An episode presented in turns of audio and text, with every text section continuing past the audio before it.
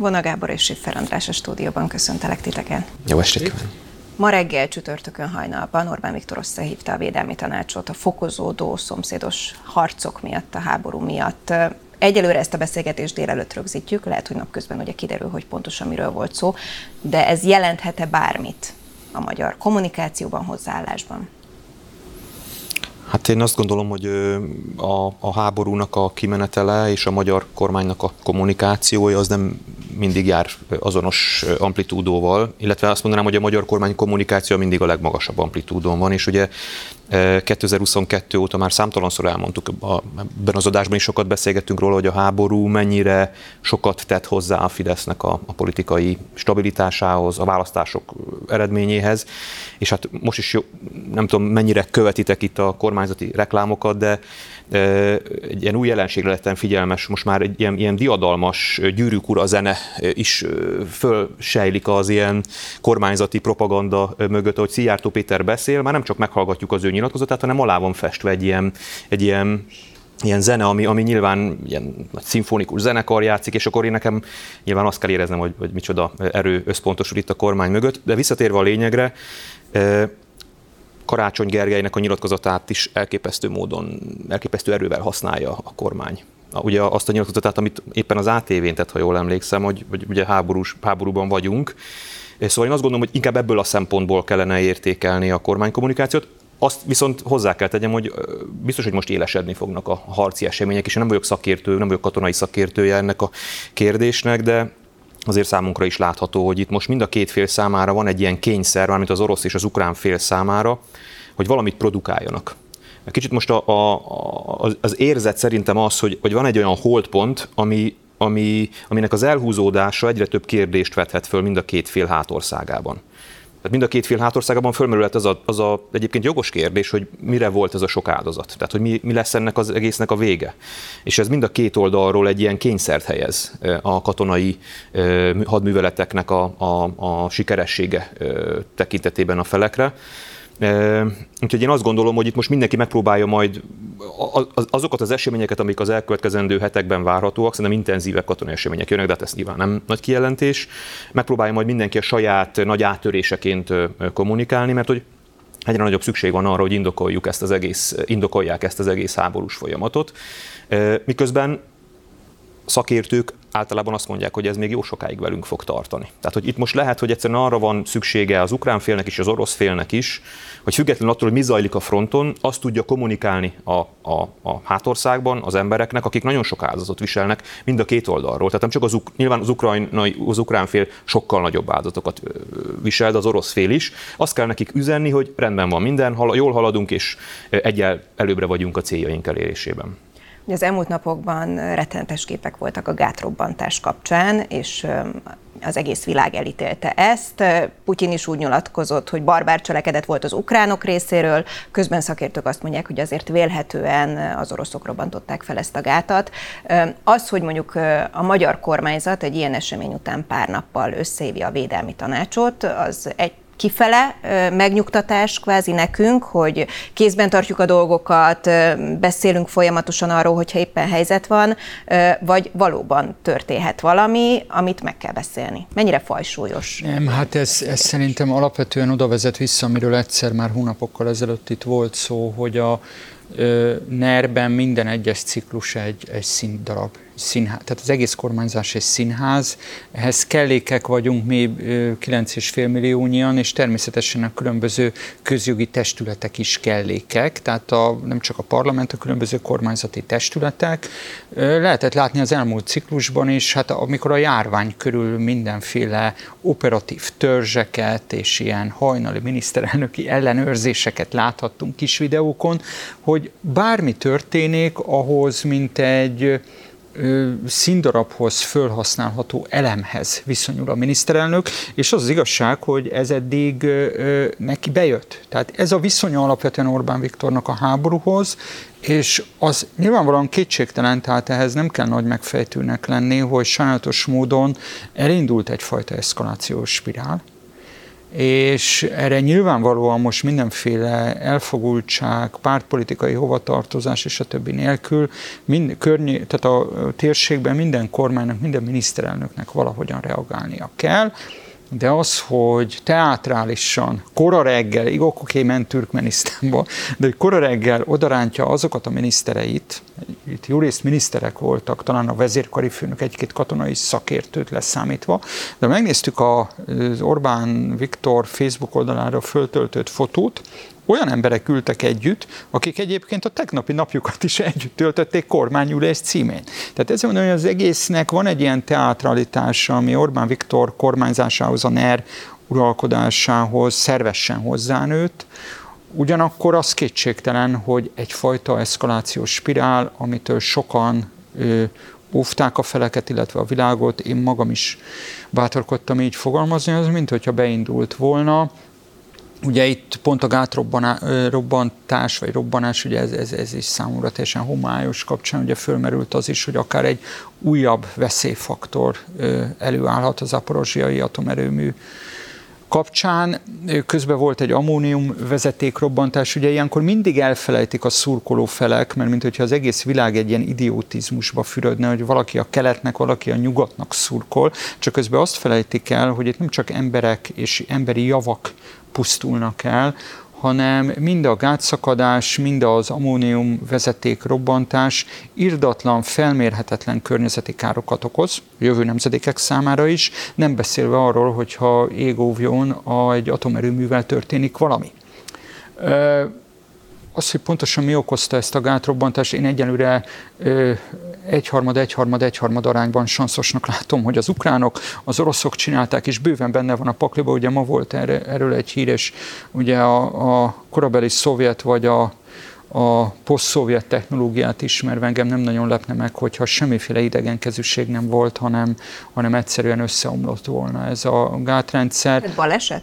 Szerintem ez is bőven benne van a pakliban. Mondom, egyenlőre én egyformán tartom esélyesnek azt, hogy egyik másik fél, vagy egyik fél sem, hanem történik egy baleset, viszont kommunik- a kommunikációs hadviselésben mindkét fél megpróbálja a maga javára felhasználni az eseményt. Tarjányi Péter biztonságpolitikai szakértő, ugye, akivel szintén van műsorunk, ő úgy fogalmazott, hogy hát még semmi sem tökéletesen biztos, ő azt gondolja, hogy az oroszok lépése volt, és kétségbe esett lépés volt, hogy az ellentámadást ezzel igazából megzavarják megtalálják, ami ott készülődik. És közben orosz katonák is azért ennek nem kevesen áldozatául estek, szóval... Igen, de azt tudjuk, hogy... Ez az bekalkulált veszteség. Igen, azt tudjuk, hogy azért az orosz fél számára a saját katonai veszteség történelmi távlatokban is mindig bele, belefér egy-egy távlatibb cél elérése szempontjából. Meg hát valahol ez sajnos a háborúnak a logikája is. Tehát, hogyha most tippelgetni kéne, de ne, ne játszunk tippelgetőset, akkor én is inkább az oroszok érdekében állónak tartom ezt az eseményt de nem lehet kizárni, hogy az András mondta egyéb lehetőségeket sem. Amit én behoznék még ide, hogy Ugye egyrésztről az orosz és az ukrán félnek, ahogy mondtam, szerintem fontos az, hogy a háború, mind, mind, mind a két félnek az lenne a legjobb, hogyha minél hamarabb befejeződne a háború, vagy ha nem, akkor meg tudná indokolni azt, hogy, hogy a, a háború folyamata az az ő szempontjai szerint alakul. De van, egy, van, egy, van két külső szereplő, az Egyesült Államok és Kína. És szerintem itt van egy olyan érdek mind a két fél részéről, és ezt szerintem nem lehet ö, ö, alulbecsülni ennek a jelentőségét. Mind Oroszország, vagy bocsánat, mind Kínának és mind az Egyesült Államoknak ennek a háborúnak az elhúzódása az érdekében áll. Az Egyesült Államoknak azért, mert ugye minél tovább tart ez, a, ez az új vasfüggöny kialakulása, a nyugat és kelet között, annál biztosabb számára, hogy Európa és Oroszország között nem alakulhat ki olyan kapcsolat, aminek azért voltak jelei az elmúlt évtizedekben. Neki nagyon fontos, hogy a maga euróatlanti befolyása alatt tartsa az európai kontinenst. Kínának meg ugyanilyen fontos a másik oldalról, hogy Oroszország ne Európa felé köteleződjön el, hanem Oroszország az ő gazdasági térségének legyen az egyik szereplője. Tehát bizonyos értelemben a két nagy konkurens, az Egyesült Államok és Kína ugyanabban érdekelt, hogy ez a másik vasfüggöny ott valahol Ukrajna valamelyik pontjánál vagy pontjainál lehúzásra kerüljön, és, és mindenki megkapja a maga kis területét. Nem beszélve arról egyébként, hogy a Biden kormányzatnak Amerika részéről szintén érdekében állhat az elhúzódás, hiszen Amíg ez a ö, ö, orosz ellenesség ez az orosz konfliktus fenntartható, addig ő folyamatosan tudja ezzel Trumpot sorokba szorítani, mint aki ugye az oroszoknak egy viszonylag megértőbb politikáját képviselte, és szerintem egy ilyen szituációban Trump számára ez folyamatosan piaci hátrányt jelent. Igen, mindenki tippelget egyébként, az Unió is az oroszokra tippel, nem kérem, hogy tippeljünk, viszont két kérdésem van ezzel kapcsolatban. Egyrészt, hogy a háború kapcsán, hogy ti is mondtátok, hogyha lehet így fogalmazni, a kormányzat az utóbbi időben jól meg tudta lovagolni kommunikációs szinten ezt az egészet, mint ahogy most egyébként a társadalmi célú hirdetések ugye arról szólnak, hogy most már nem, nem ilyen támadó jelleggel beszélünk akár az ellenzékről vagy a baloldalról, hanem legyen béke, legyen tűzszünet. És megy alatta a zene. És megy alatta, megy alatta a zene. Tehát egyrészt ez a kérdésem, hogy szerintetek akkor továbbra is bravúrosan tud ezzel játszani a háború témájával, tematikájával a kormányzat. A másik pedig, hogyha itt fokozódik a helyzet, és összehívjuk például a védelmi tanácsot, akkor felmerülne bennem a kérdés, szinte költői, hogy van mindenféle bizottság a parlamenten belül is, akiket egyébként tájékoztatni szoktak, hogyha komoly helyzet van, például mondjuk a Honvédelmi Bizottság. Ezek teljesen fajsúlytalanok lettek, kiüresedtek az utóbbi időben? Nyilvánvalóan fő főként egy alkotmányozott többség birtokában Orbán Viktor nem különösebben veszi komolyan a formális intézményeket, a formális struktúrákat úgyis, mint parlamenti bizottság, de még egyszer azt lássuk, hogy ez a bizonyos védelmi tanács, ez nem egy alaptörvényben rögzített közjogi intézmény, ez a kormánynak egy konzultatív tanácskozó szerve, ha úgy tetszik, idézőjelbe tessék érteni, egy kormányzati bizottság, egy kormánykabinet. Ez egy show elem, amit ma reggel látunk. Tehát az egész kormányzás a NER-ben egy show, egy reality show gyakorlatilag, amit látunk most már mennyi, negyedik vagy ötödik felvonásba 2010 óta. Egyébként igazából az első Orbán kormány is ennek egy ö, próbajárata volt 98 és 2 között. Természetesen, hogyha azért a alkotmányos elveket valóban átérezni és komolyan venni Orbán Viktor, akkor, hogyha annyira élesedik a helyzet, hogy itt rapid módon neki a kabinet, kormány, kabinet, kormányzati kabinetet is össze kell rántania, akkor nyilván az lenne a megfelelő, mert olykor, amikor nagy beszédeket tart a, a ház előtt, akkor ugye mindig alkotmányos szokásokra hivatkozik, ezt meghallgattuk párszor, akkor nyilván azzal a lendülettel, ha nem is neki személyesen, de a hadügyminiszternek kérnie kéne a Honvédelmi Bizottság elnökét, hogy hadd számoljon be, vagy a Nemzetbiztonsági Bizottság elnökét, hogy hadd számoljon be a bizottságnak.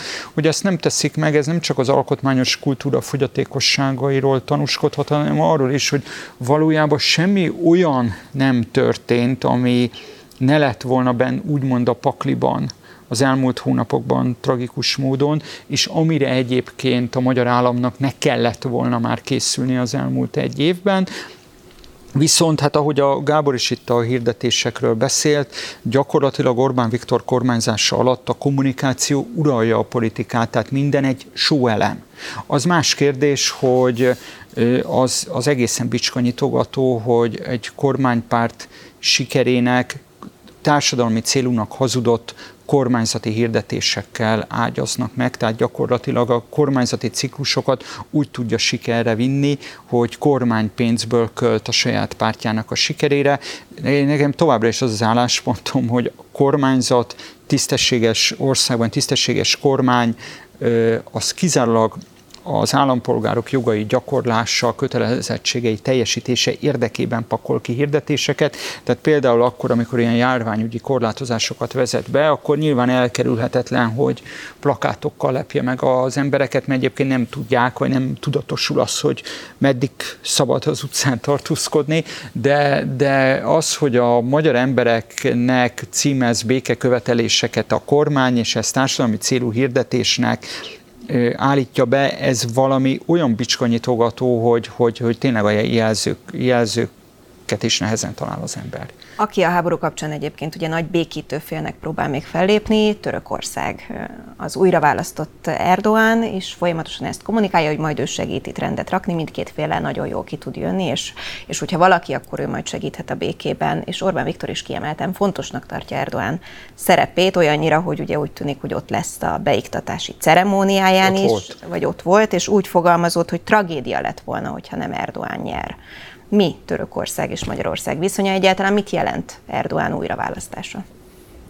Törökország és Magyarország viszonya is nyilván stratégiai jelentőségi, főképp Törökország számára azt hiszem, de, de hogy itt Törökország nem Magyarország viszonylatában fontos Orbán Viktornak, hanem annak a, annak a blokknak a viszonylatában, ami, ami, amiben beletartozik Oroszország is, meg bizonyos értelemben Kína is, és ahol Orbán Viktor ö, gyűjtögette az elmúlt években a kreditjeit.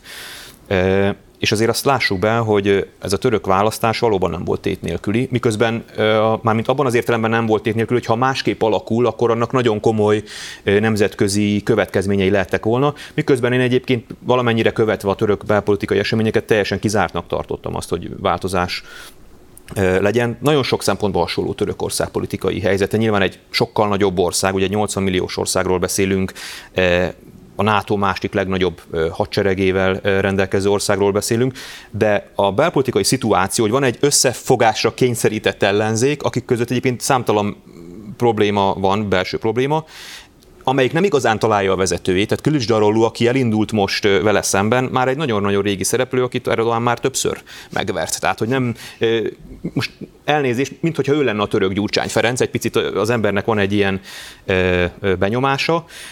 Van egy mi hazánk típusú párt is, ugye, egy a új, amelyik MHP. a harmadik... Tessék? Az MHP. De nem, az MHP, az MHP az már kifejezetten Erdoánnal uh-huh. állt szövetségben, hanem egy abból kivált szereplő volt, aki harmadik helyen befutott, ja. majd aztán bejelentett az első forduló után Sinan Oán, hogy, hogy ő, fogja tám, ő támogatja Erdoğan. Tehát, hogy nagyon-nagyon sok minden hasonló. Van egy gazdasági válság, amelyet egy állandó, van egy nagy infláció, amit egy állandó külpolitikai ilyen, ilyen tűzzel vagy legalábbis annak a füstjével megpróbál eltakarni a, a, a török kabinet, és ilyen értelemben nagyon jól uralja különösen a vidéket, ott is nagyon érdekes, hogy a vidéket nagyon jól uralja Erdogán. Szóval egy szó mint száz, az ő választási győzelme szerintem nem volt kérdéses. De a tét nagy volt, mert ha elképzeljük azt, hogy az ellenzék nyer, amelyiknek ugye a viszonya egészen más a nemzetközi térben. Ugye Erdoánnak az elmúlt év, évtizedekben, ciklusokban kitűnő kapcsolat alakult ki Putyinnal, az ellenfelei pedig egyértelműen egy NATO és nyugati elkötelezettséggel rendelkeztek. Most itt a háború kellős közepén, amikor már e, ugye atomháborúnak a, a, a képei is felsejlenek, e, akkor a NATO-ban lévő Törökország, amelyik egyébként fura módon Oroszországhoz húz, tehát ez egy nagyon fura szituáció. Nagyon-nagyon... Tessék? Meg a BRICS-hez. Meg, ö, így van. Nagyon-nagyon jó lett volna, és fontos lett volna az Egyesült Államok és a nyugat számára, hogy e- ebből a térből kivonják Törökországot, és szépen visszailleszék a NATO kötelékeibe száz százalékig. És nagyon-nagyon veszélyes lett volna Putyin számára, hogy a Fekete-tenger déli övezetében egy stratégiai fekvésű ország, ráadásul egy katonai hatalom, az az annak a szövetségét elveszíts. Úgyhogy óriási tét volt, és azt gondolom, hogy itt nem feltétlenül ö, Törökország nyugodott meg, vagy Magyarország nyugodhat meg, hanem Putyin nyugodhat meg. András, hát nekem rögtön az tematizálta egyébként a háború, vagy például a földrengés utáni helyzet? Jó, azt, akkor menjünk sorba, tehát egyrészt röviden, ami, ami folytatjuk. ilyen analógia szerűen izgalmas lehet nekünk itt magyaroknak túl azon, hogy már a tízes években a török nemzetgyűlésben egy nagyon hasonló képlet alakult ki, mint a magyar országgyűlésben, tehát hogy van egy robosztus, robosztus jobb-középnek nevezett populista tömb, tehát az Erdogán féle tömb, volt a szürke farkasokhoz köthető MHP, amit a szélső jobboldalisztak, és azon kívül pedig volt ez a régi, tehát ott nem Gyurcsány, hát ez a Bülent Ecsevithez és a társaihoz kötődő atatürki hagyományokat ápoló bal közép bal tömb, és volt persze jó részt a kurdokra alapozó ilyen radikális baloldali pártocska, amelyik éppen hogy átvitte az ott 10%-os küszöböt. Ami viszont még érdekes analógia a mostani választásnál, hogy sokkal mélyebb gazdasági válság és sokkal magasabb infláció van, mint nálunk. Sokkal nagyobb bajban van a török gazdaság, mint a magyar.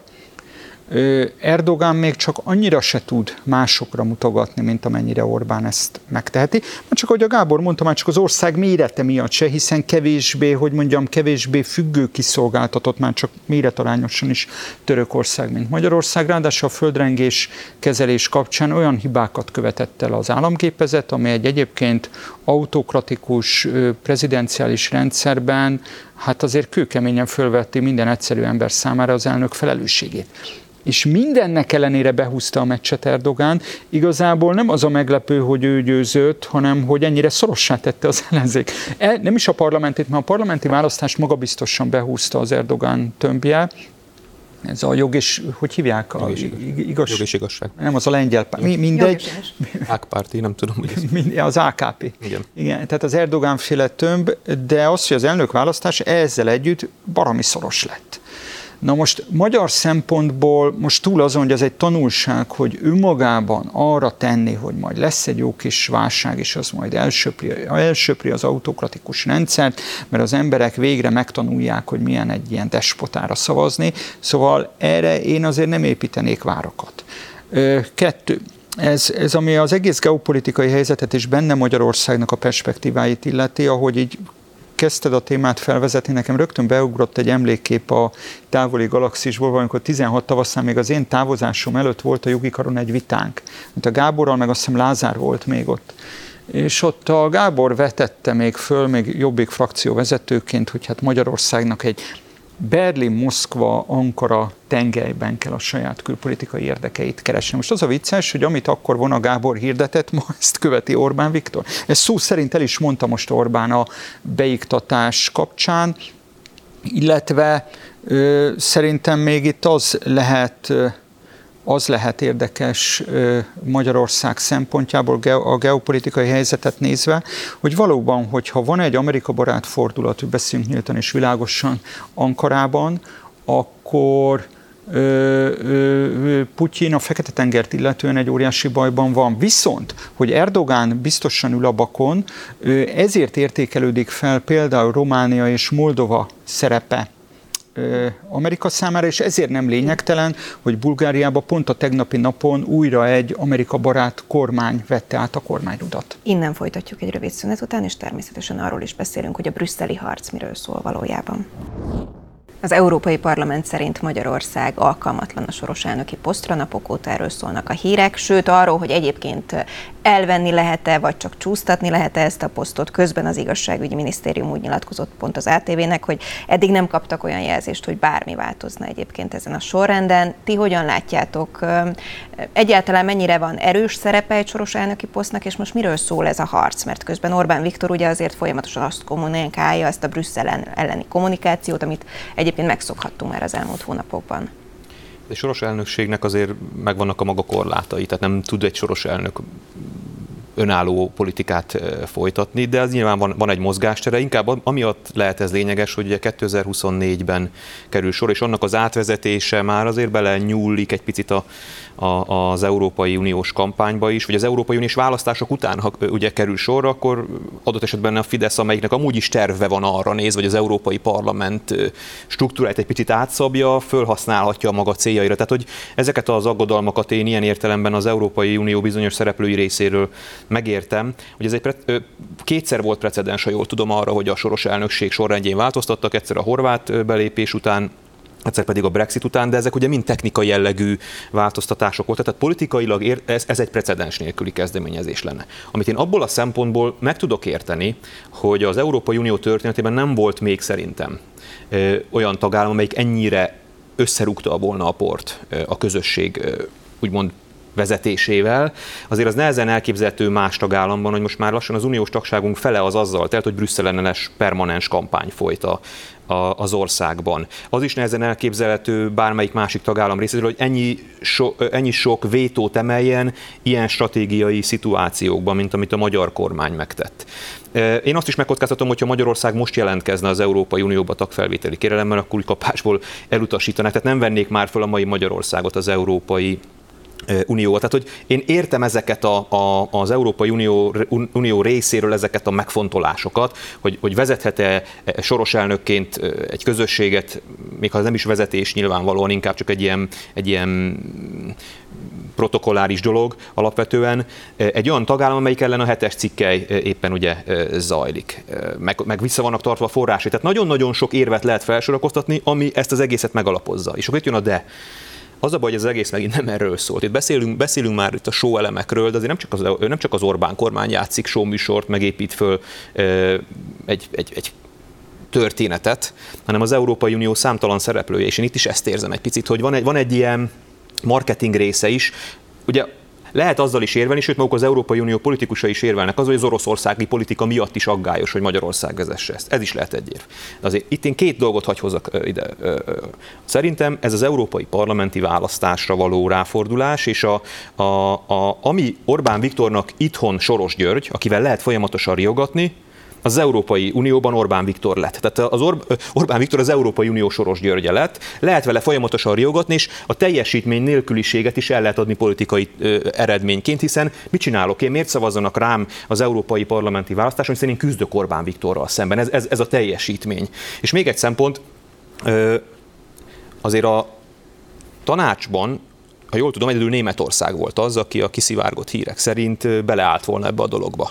Miért is Németország áll, áll bele ebbe a dologba? És miért is voltak itt pontosan a, a, kis küldöttsége és az Európai Parlamentnek? Nem minthogyha az lenne a háttérben, hogy itt a németországi gazdasági érdekeltségek bizonyos sérelmei felgyűltek az Orbán kormányjal szemben, és valami új díjra akarják rákényszeríteni Orbán Viktor. Ugye itt hallhattuk, hogy az Aldi, a Lidl és a, a Spár volt, ami mögötte állt a, a, a látogatások, nem tudom, ez nem a reklámhelye volt, nem tudom, hogy ezt majd e, hogyan kezeli a, a, a vágó, de, hogy, de hogy itt én azt érzem, hogy az Orbán kormány a korábban viszonylag stabil, jól működő német-magyar gazdasági dillel szembe menve bizonyos pozíciókat át akar venni magának, és ez sérti bizonyos németországi szereplők érdekeit, és minthogyha emögött a nagy-nagy hajcihő mögött ott lenne a német gazdasági érdek, mert azért valljuk be őszintén a korrupció meg a transzparencia kapcsán azért az Európai Parlamentnek is van, van, van bőven takargatni valója. A kormányzati kommunikációból körülbelül az derül ki, hogyha így leszűrjük, vagy zanzásítjuk, hogy hát ugyan teljesen mindegy, hogy az LP mit mond.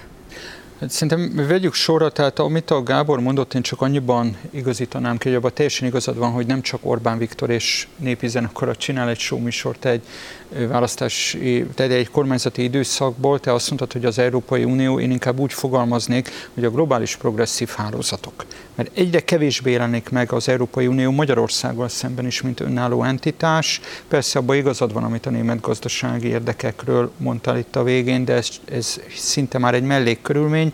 Jó részt arról van szó, hogy ezek a döntően amerikai gyökerű globális progresszív hálózatok, ezek az Európai Parlamentet, illetve a bizottság és az Európai Bíróság bíróságoknak, tehát a Strasbourg, illetve a luxemburgi bíróságoknak az apparátusait tökéletesen behálózták. És itt van egy nem pusztán ideológiai, egy olyan geopolitikai küzdelem Amerika és a kelet között, aminek van egy ideológiai szósza, és nyilvánvaló, hogy miután Orbán Viktor nem csak Nyugat-Európában, hanem hát látjuk már az amerikai előválasztási előkészületeket, magában az amerikai Egyesült Államokon belül is lassan belpolitikai probléma lesz, ezért persze én azt viszont csak megerősíteni tudom, amit mondtál, hogy Orbán Viktor sok nyugati államban már azt a szerepet játsza, amit itthon Soros György, tehát Orbánnal lehet riogatni, csak mondom, annyi ellépést tennék, hogy nem lehet itt Európai Unióról beszélni, az Európai Unió egyre kevésbé lennék meg önálló szereplőként. Én ezekre a globális progresszív hálózatokra gondolok, amit nem egy Soros György, vagy egy nem tudom kicsoda testesít meg, ezek gazdasági érdekcsoportok leöntve egy ideológiai szószal ami önmagában a kezdeményezést illeti. Szóval azért itt, itt jó volna ezeknek az európai parlamenti képviselőknek visszabenni a tempóból, mert hogyha jogállamisági problémák, kifogások fogalmazódnak meg Magyarországgal, Lengyelországgal kapcsolatban. Magyarországgal illetően legalábbis nem indok nélkül továbbra sem. Most túl azon, hogy milyen minőségű kifogásokat és javaslatokat fogalmaz meg az Európai Bizottság, mert itt az idiótaságok tárházát lehetne felsorolni, és időhiányában nem mennék bele, tehát lényegi dolgokkal nem foglalkoznak, és hülyeségek meg, amikhez semmi közük abba belekötnek Ugye mit jelent a jogállamiság? Az, hogy a különböző hatalmi szervek, hatalmi intézménynek, intézmények szigorúan a jognak alávetetten működnek. Lefordítva az unió pénzügyi érdekeire, tehát amikor a hetes cikkelyes eljárást élesítették, itt ugye azzal a feltételezéssel éltek az Európai Unió szervei, hogy az uniós forrásfelhasználások kapcsán, ha jogvita keletkezik, az nem szigorúan a jognak alárendelten fog eldőlni, hanem nem kívánt kormányzati politikai befolyásolás fog történni, hogyha mondjuk egy közbeszerzési jogvitát majd el kell dönteni, ahol uniós pénzek és uniós befektetők vannak célkeresztben. Na most ehhez képest az Európai Parlament különböző bizottságai képviselői most már nem először, fittyet hányva közösségi jogra olyan kezdeményezésekkel élnek, aminek uniós jogi alapzata nincsen.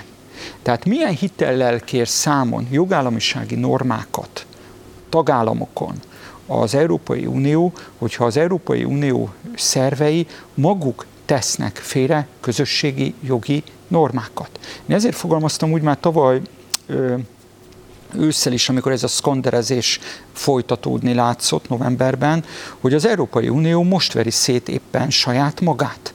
Mert hogyha bele lehet abba menni, hogy ugyan nincsen közösségi jogalapja, mondok egy példát, hogy a Magyarországon az Országos Bírói Tanács tagjainak a mandátuma megújítható vagy sem, ehhez pont semmi köze nincsen az Európai Bizottságnak, de ezzel mégis lehet revolverezni egy tagállamot, az azt jelenti, hogy pont az Európai Unión belül nem működik a jogállam, magyarul az európai jogot az erősebb jogán bármikor félre lehet tenni. Szóval szerintem ez egy nagyon veszélyes precedens, és itt bőven nem pusztán Magyarország és Brüsszel kapcsolatáról van szó, hanem az Európai Unió jövőjét kockáztatják ezek a képviselők. Elképzelhetőnek tartjátok azt, hogy ezen a sorrenden egyébként nem. Változtasson nem. az Unió? Nem. Van egy grafikánk is egyébként, hogy mi pontosan a sorrend, mert ugye egyébként ennek az is tétje szakértők szerint, hogy aki előttünk, meg aki mögöttünk van, azzal nagyon komolyan együtt kell működni, nyilván az elnökség ideje alatt is. Tehát egyáltalán nem mindegy, hogy ki van előttünk, mögöttünk, Belgium, Lengyelország, az, akivel kvázi szövetségesként kell dolgoznunk ez alatt az időszak alatt.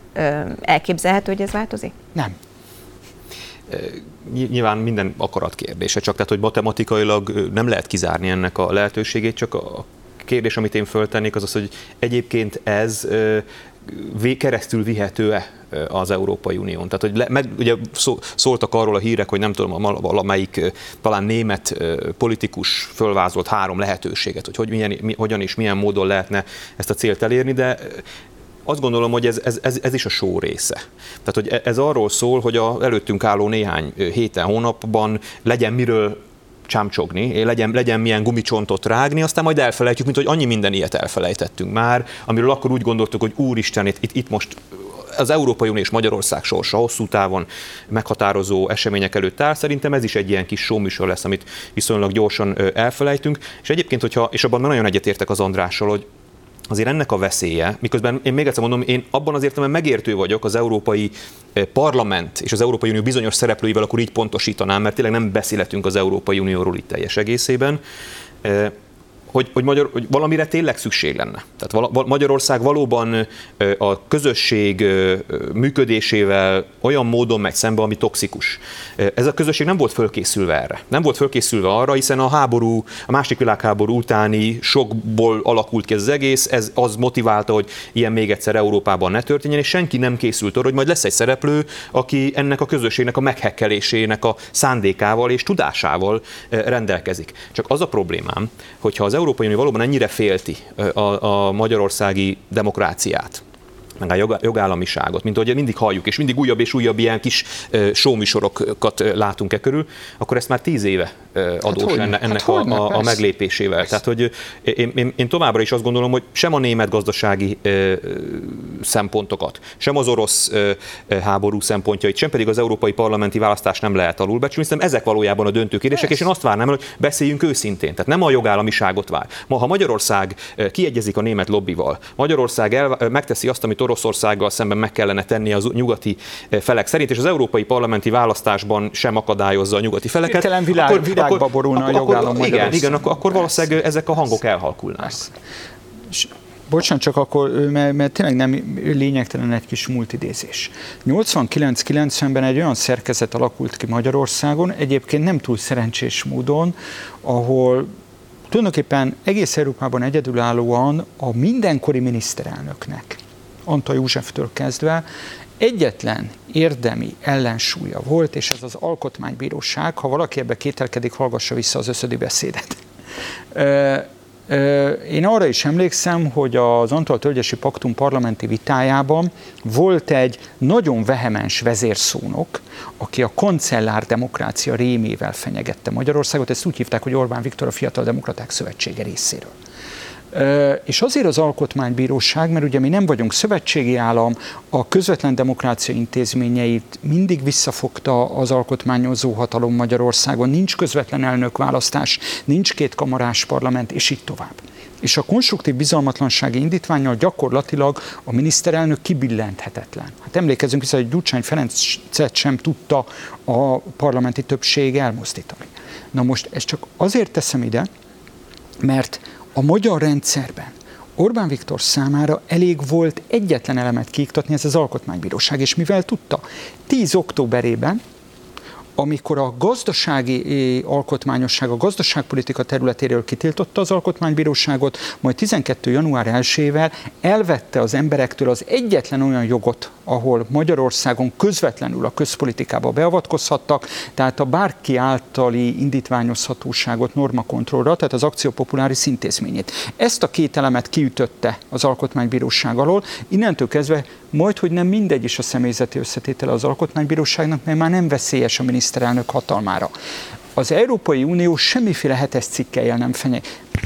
Én hirdettem akkor tüntetés, az volt az első tüntetés a NER ellen 2010. októberében, ki is vonultunk az alkotmányozásból, az Európai Unió semmivel nem fenyegetőzött. Semmivel nem fenyegetőzött. 10 és 13 dereka között a NER, mint közjogi képződmény kiépült. Kiépült, a mű készen áll, az alkotó persze azóta se pihen, de a lényegi elemek azóta készen vannak. Miért pont 17-18-ban pörgött föl ez a jogállamiság féltés? Ugye az igazságszolgáltatás az egyébként még egy dolog.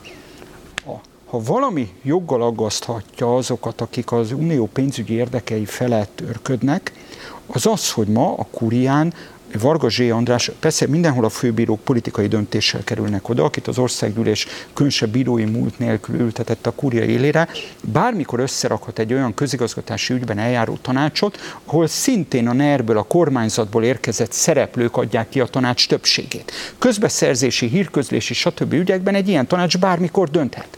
Na most amit az előbb elkezdtem mondani, mindenféle baromságot, amihez nincsen közösségi jogalap, elkezdett kifogásolni, zsarolgatni, ultimátumokat begyújtani az igazság, magyar igazságügyminiszternek a, a, az Európai Bizottság, de például azt az elmúlt hónapokban egyszer sem kifogásolták, hogy mindenféle gát nélkül lehet beemelni a kúriára, akár a kúria közigazgatási tanácsaiba a kormányzati apparátusból embereket. Nagyon röviden szeretném, hogyha beszélnénk még egy témáról. Török Gábor ö, elemző adott egy interjút a HVG 360-nak, és oda szokott figyelni rá a magyar sajtó a politikai élet, hogyha ő mond valamit. Ö, két dolgot emelnék ki. Az egyik, hogy szerinte a NER még mindig képülőben van, tehát nincs ennek a folyamatnak vége. A másik pedig az, hogy Orbán Viktor után is lehet majd folytatni az Orbánizmust. Szerintem mi a véleményetek ezekről? Én ezt vitatnám, mármint az utóbbi állítását. Az, az hogy a NER ö, képülése folytatódik, az, azt szerintem a NER lényege. Tehát, hogy ö, talán a, sincs vége? Igen, tehát talán a cápa az, amelynek állandóan előre kell úszni, nehogy, nehogy ö, elpusztuljon. Az alkotó nem pihen. Igen, ahogy az András megfogalmazta, így van, az alkotónak nem lehet pihenni, mert ha pihen, akkor vége a rendszer, akkor, akkor összeomlik a rendszer. És valószínűleg ez, ezért kell állandóan tűzben tartani és, és, és konfliktusban tartani a rendszert. Ez a, működ, ez, ez a benzin. De a, másik állítás szerintem az, az egy nagyon érdekes kérdés, nyilván hipotetikus, és itt bármit lehet mondani meg az ellenkezőit is, hogy működhet-e Orbán Viktor nélkül a rendszer, és ha jól emlékszem, Török Gábor azzal érvel, hogy azért olyan szinten megszilárdult most már az, az intézményi struktúra, a NER körül, hogy akár Orbán Viktor után is valaki beülhet tudja működtetni, és én ebben nem hiszek. Tehát, hogy a, azzal, hogy tud működni Orbán Viktor után is a NER, azzal egyetértek, csak a magyarázattal nem, mert hogy akkor tud tovább működni, hogyha valaki olyan, aki azt a karizmát bele tudja tenni, ami, ami, ami, ami, Orbán, ami, ami ezt, ennek a rendszernek azért az alapja. Tehát, hogy ez, ez nem az intézményi rendszer tartja föl, hanem Orbán Viktor személyes alkui, diljei, kisebb-nagyobb zsarolásai, személyes elköteleződései, valami olyan láthatatlan rendszer, amit a híres neves Boston Politics című könyvben leírtak már, és ugye sokak szerint ez a NER bibliája, vagy, vagy, vagy alap, alap téziseit összefoglaló politológusi gyűjtemény, ahol ugye a posztoni polgármester egy személyes, személyes kötődő árnyékrendszert épített ki, és a NER egyébként valóban így működik. Tehát, hogyha valaki Orbán Viktor után működtetni akarja akarja a NERT, akkor ki kell építenie ugyanezt a személyes hálózatot, az pedig nem megy egyik napról a másikra. Az nem úgy működik, hogy beleülök ebbe a rendszerbe, és nem fog tudni egy csomó mindent, amit Orbán Viktor tud. Tehát én ezt gondolom, hogy ez, ez Orbán Viktor számára is egy nagy kérdés, hogyha ő gondolkodik egyáltalán utódlásban, 2030-ig ugye mindenképpen maradni szeretne, de ha gondolkodik utódlásban, akkor, akkor azt az utódját azt nem csak a székbe kell majd beleültetni, hanem be kell avatni ezekbe a belső folyamatokba. és még meghosszabbítja Láttok egyébként a jelenlegi politikusok között olyat, aki egyébként megfelelő karizma lehet? Tehát nincs olyan, vagy, vagy van olyan, aki kvalitásában elérni azt a szintet, csak lenyomják? Nem, tehát, ez, nem, tehát teljes, már bocsánat, hogy ezt te, teljesen értelmetlen a kérdésvetés. Tudni, abszolút egyetértve a Gáborral, én csak azzal egészíteném ki, hogy Orbán létrehozott egy hipercentralizált struktúrát, tehát ahol sok fajsúlyos döntésnek az indokai kizárólag Orbán Viktor fejébe vannak meg. Ami ebből egyenesen félelmetes nekünk állampolgároknak is, hogy Magyarország különböző külpolitikai, geopolitikai megfontolásai, döntései, bizniszek, amik Magyarországot külhatalmi központokhoz kötik. Bizonyos részeket biztos lát Rogán Antal, Szijjártó Péter, esetleg mások, de az egészet egyben átlátni egyetlen ember képes, ezt Orbán Viktornak hívják. Ez, ez egy irgalmatlan kockázat. Irgalmatlan kockázat, főleg úgy, hogy azért a, a államszocializmus éveiben is láttunk itt totális diktatúrákat, kitűnő diplomáciai apparátussal. Tehát Nikolaj Ceausescu, aki nem csak egy egyetlen diktátor volt, nem is volt egy túl éleseszű valaki, viszont hát Romániának, ugyanígy a csehszlovákoknak is a kommunizmus alatt is professzionális diplomáciai apparátusa volt, ami csúnyán szólva briefelte ezeket a diktátorokat. Na most Magyarországon úgy megy a külpolitika irányítás, hogy legutóbb úgy, hogy nem csak, hogy kormányváltás nem volt, de még miniszterváltás sem, tapasztalt diplomaták regimentjét seprűzték ki a Bem, Bemrakpartról. Tehát ezt csak arra mondom, hogy az, hogy mi a magyar külpolitikai érdek, hogyha nincs Orbán Viktor, mert nem tudom, úgy dönt, hogy ő egy holdutazásra nevez be, nincs, aki igazából megfejtse. Ez, ez, ez egy iszonyatos kockázat. Én ma azt látom, Ugye Orbán Viktor csak 60 éves, valószínűleg nem csak 2030-ig tervezve meghosszabbítja Bicskéig esetleg. 70 az igazi. Így van, azt is mondta már, így van, tehát ez meg 70, az 33, 34, így van. Na de viccet félre, vagy ironizálást félretéve nem gondolom, hogy rossz egészségnek örvendene. Aminek van realitása, hogy egy esetleg nem rövid távon, de közép-hosszú távon, hogy esetleg egy Kaczynski szerepet ö, választ. Ö, igaz, hogy Kaczynski ezt lengyel belpolitikai okokból teszi meg Magyarországon, Orbánnak az elfogadottsága magasabb, mint a Fidesz brand elfogadottsága, de lehet, hogy uniós, illetve hát külpolitikai megfontolásokból erre kényszerű, vagy egy ilyen saklépést meghúz. Minden esetre én ma azt látom, hogy ha valamiért Orbán Viktor kiesne a rendszerbe, biztosan nem pótolható, ami nem a, pusztán a Fidesznek rossz, hanem bizonyos tekintetben mindenkinek.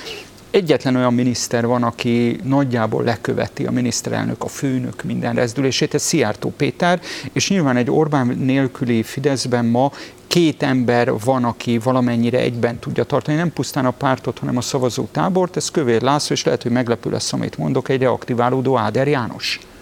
Tehát de ez ma a fantazmagóriák világa, mert semmi nem mutat abba, hogy Orbán Viktor akár csak formálisan is meg kívánna válni a miniszterelnöki széktől, és abban én is vitatkoznék Török Gáborral, ahogy Gábor is tette, hogy egy hipercentralizált rendszerben maga a személy így biztosan nem pótolható.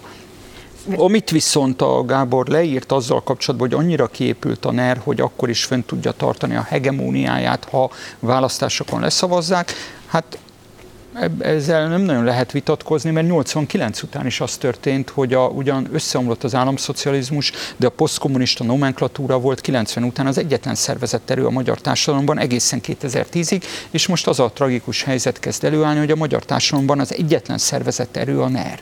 Végszóra nagyon röviden, te is kockázatosnak látod ezt? Vagy egyébként lehet, hogy van egy ilyen B-terv, ami mondjuk nem publikus? Nem zárom ki, hogy B-terv is van, tehát hogy azért Orbán Viktor stratégiai gondolkodású politikus, ez nyilvánvaló, de kockázatos, valóban kockázatos. Én még azoknak a nézőknek, akik a YouTube-on is velünk tartanak, még azért két nevet fenntartanék, és ott egy kicsit elemezném őket, Rogán Antal nevét és Lázár Jánosét. Ugye Rogán Antal nevét maga Török Gábor is megemlíti az interjúban, de akkor ezt már tényleg csak a YouTube-osoknak. Így van, amelyet követhetnek majd egyébként péntektől a Spirit FM YouTube oldalán. A televízió nézőknek és a rádió hallgatóknak köszönjük szépen a figyelmet ezen a ponton, mint ahogy vendégeimnek is, hogy itt voltak. Folytatjuk.